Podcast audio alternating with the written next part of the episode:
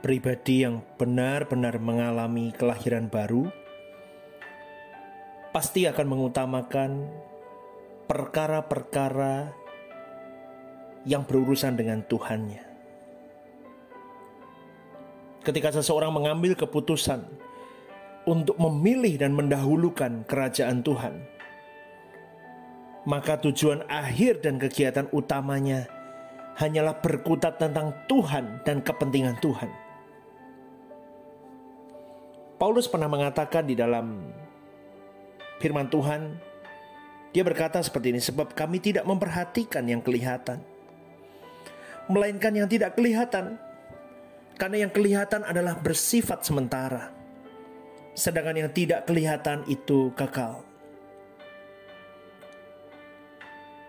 Saudaraku, hari-hari ini kita sering kali terjebak di dalam kenikmatan dunia.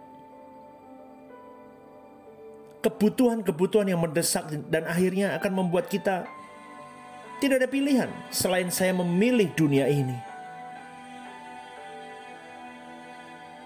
Orang-orang yang termakan bujukan kuasa dunia ini pasti akan mengutamakan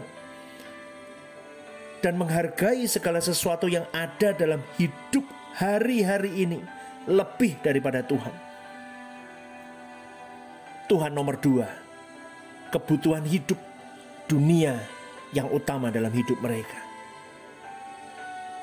Kita pun sama, sering kali kita terjebak di dalam konsep yang salah itu, saudaraku.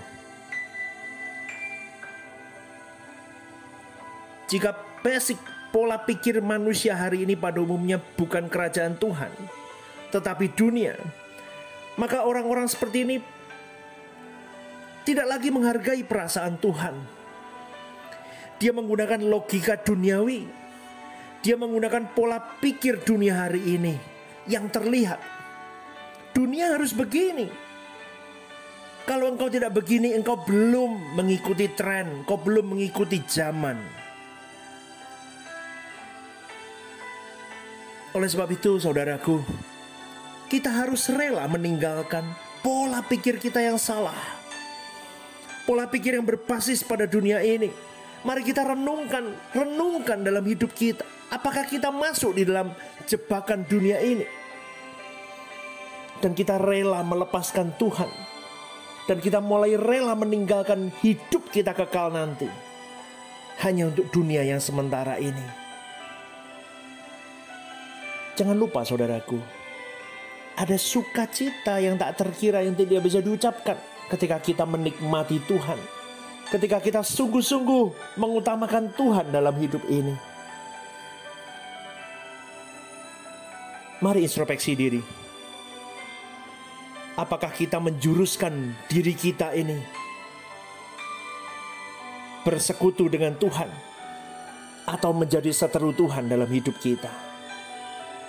Putusan dan pilihan tergantung kepada respon kita selama kita hidup. Mari kita pindahkan hati kita ke surga, saudaraku. Di mana hartamu, di situ hatimu berada. Takutlah akan Tuhan dan pilihlah pilihan yang bijaksana dalam hidup ini. Mengiring Tuhan sampai akhir hidupmu dan Tuhan nomor satu di dalam hidupmu. Sola Gracia saudaraku. Tuhan Yesus memberkati. Haleluya.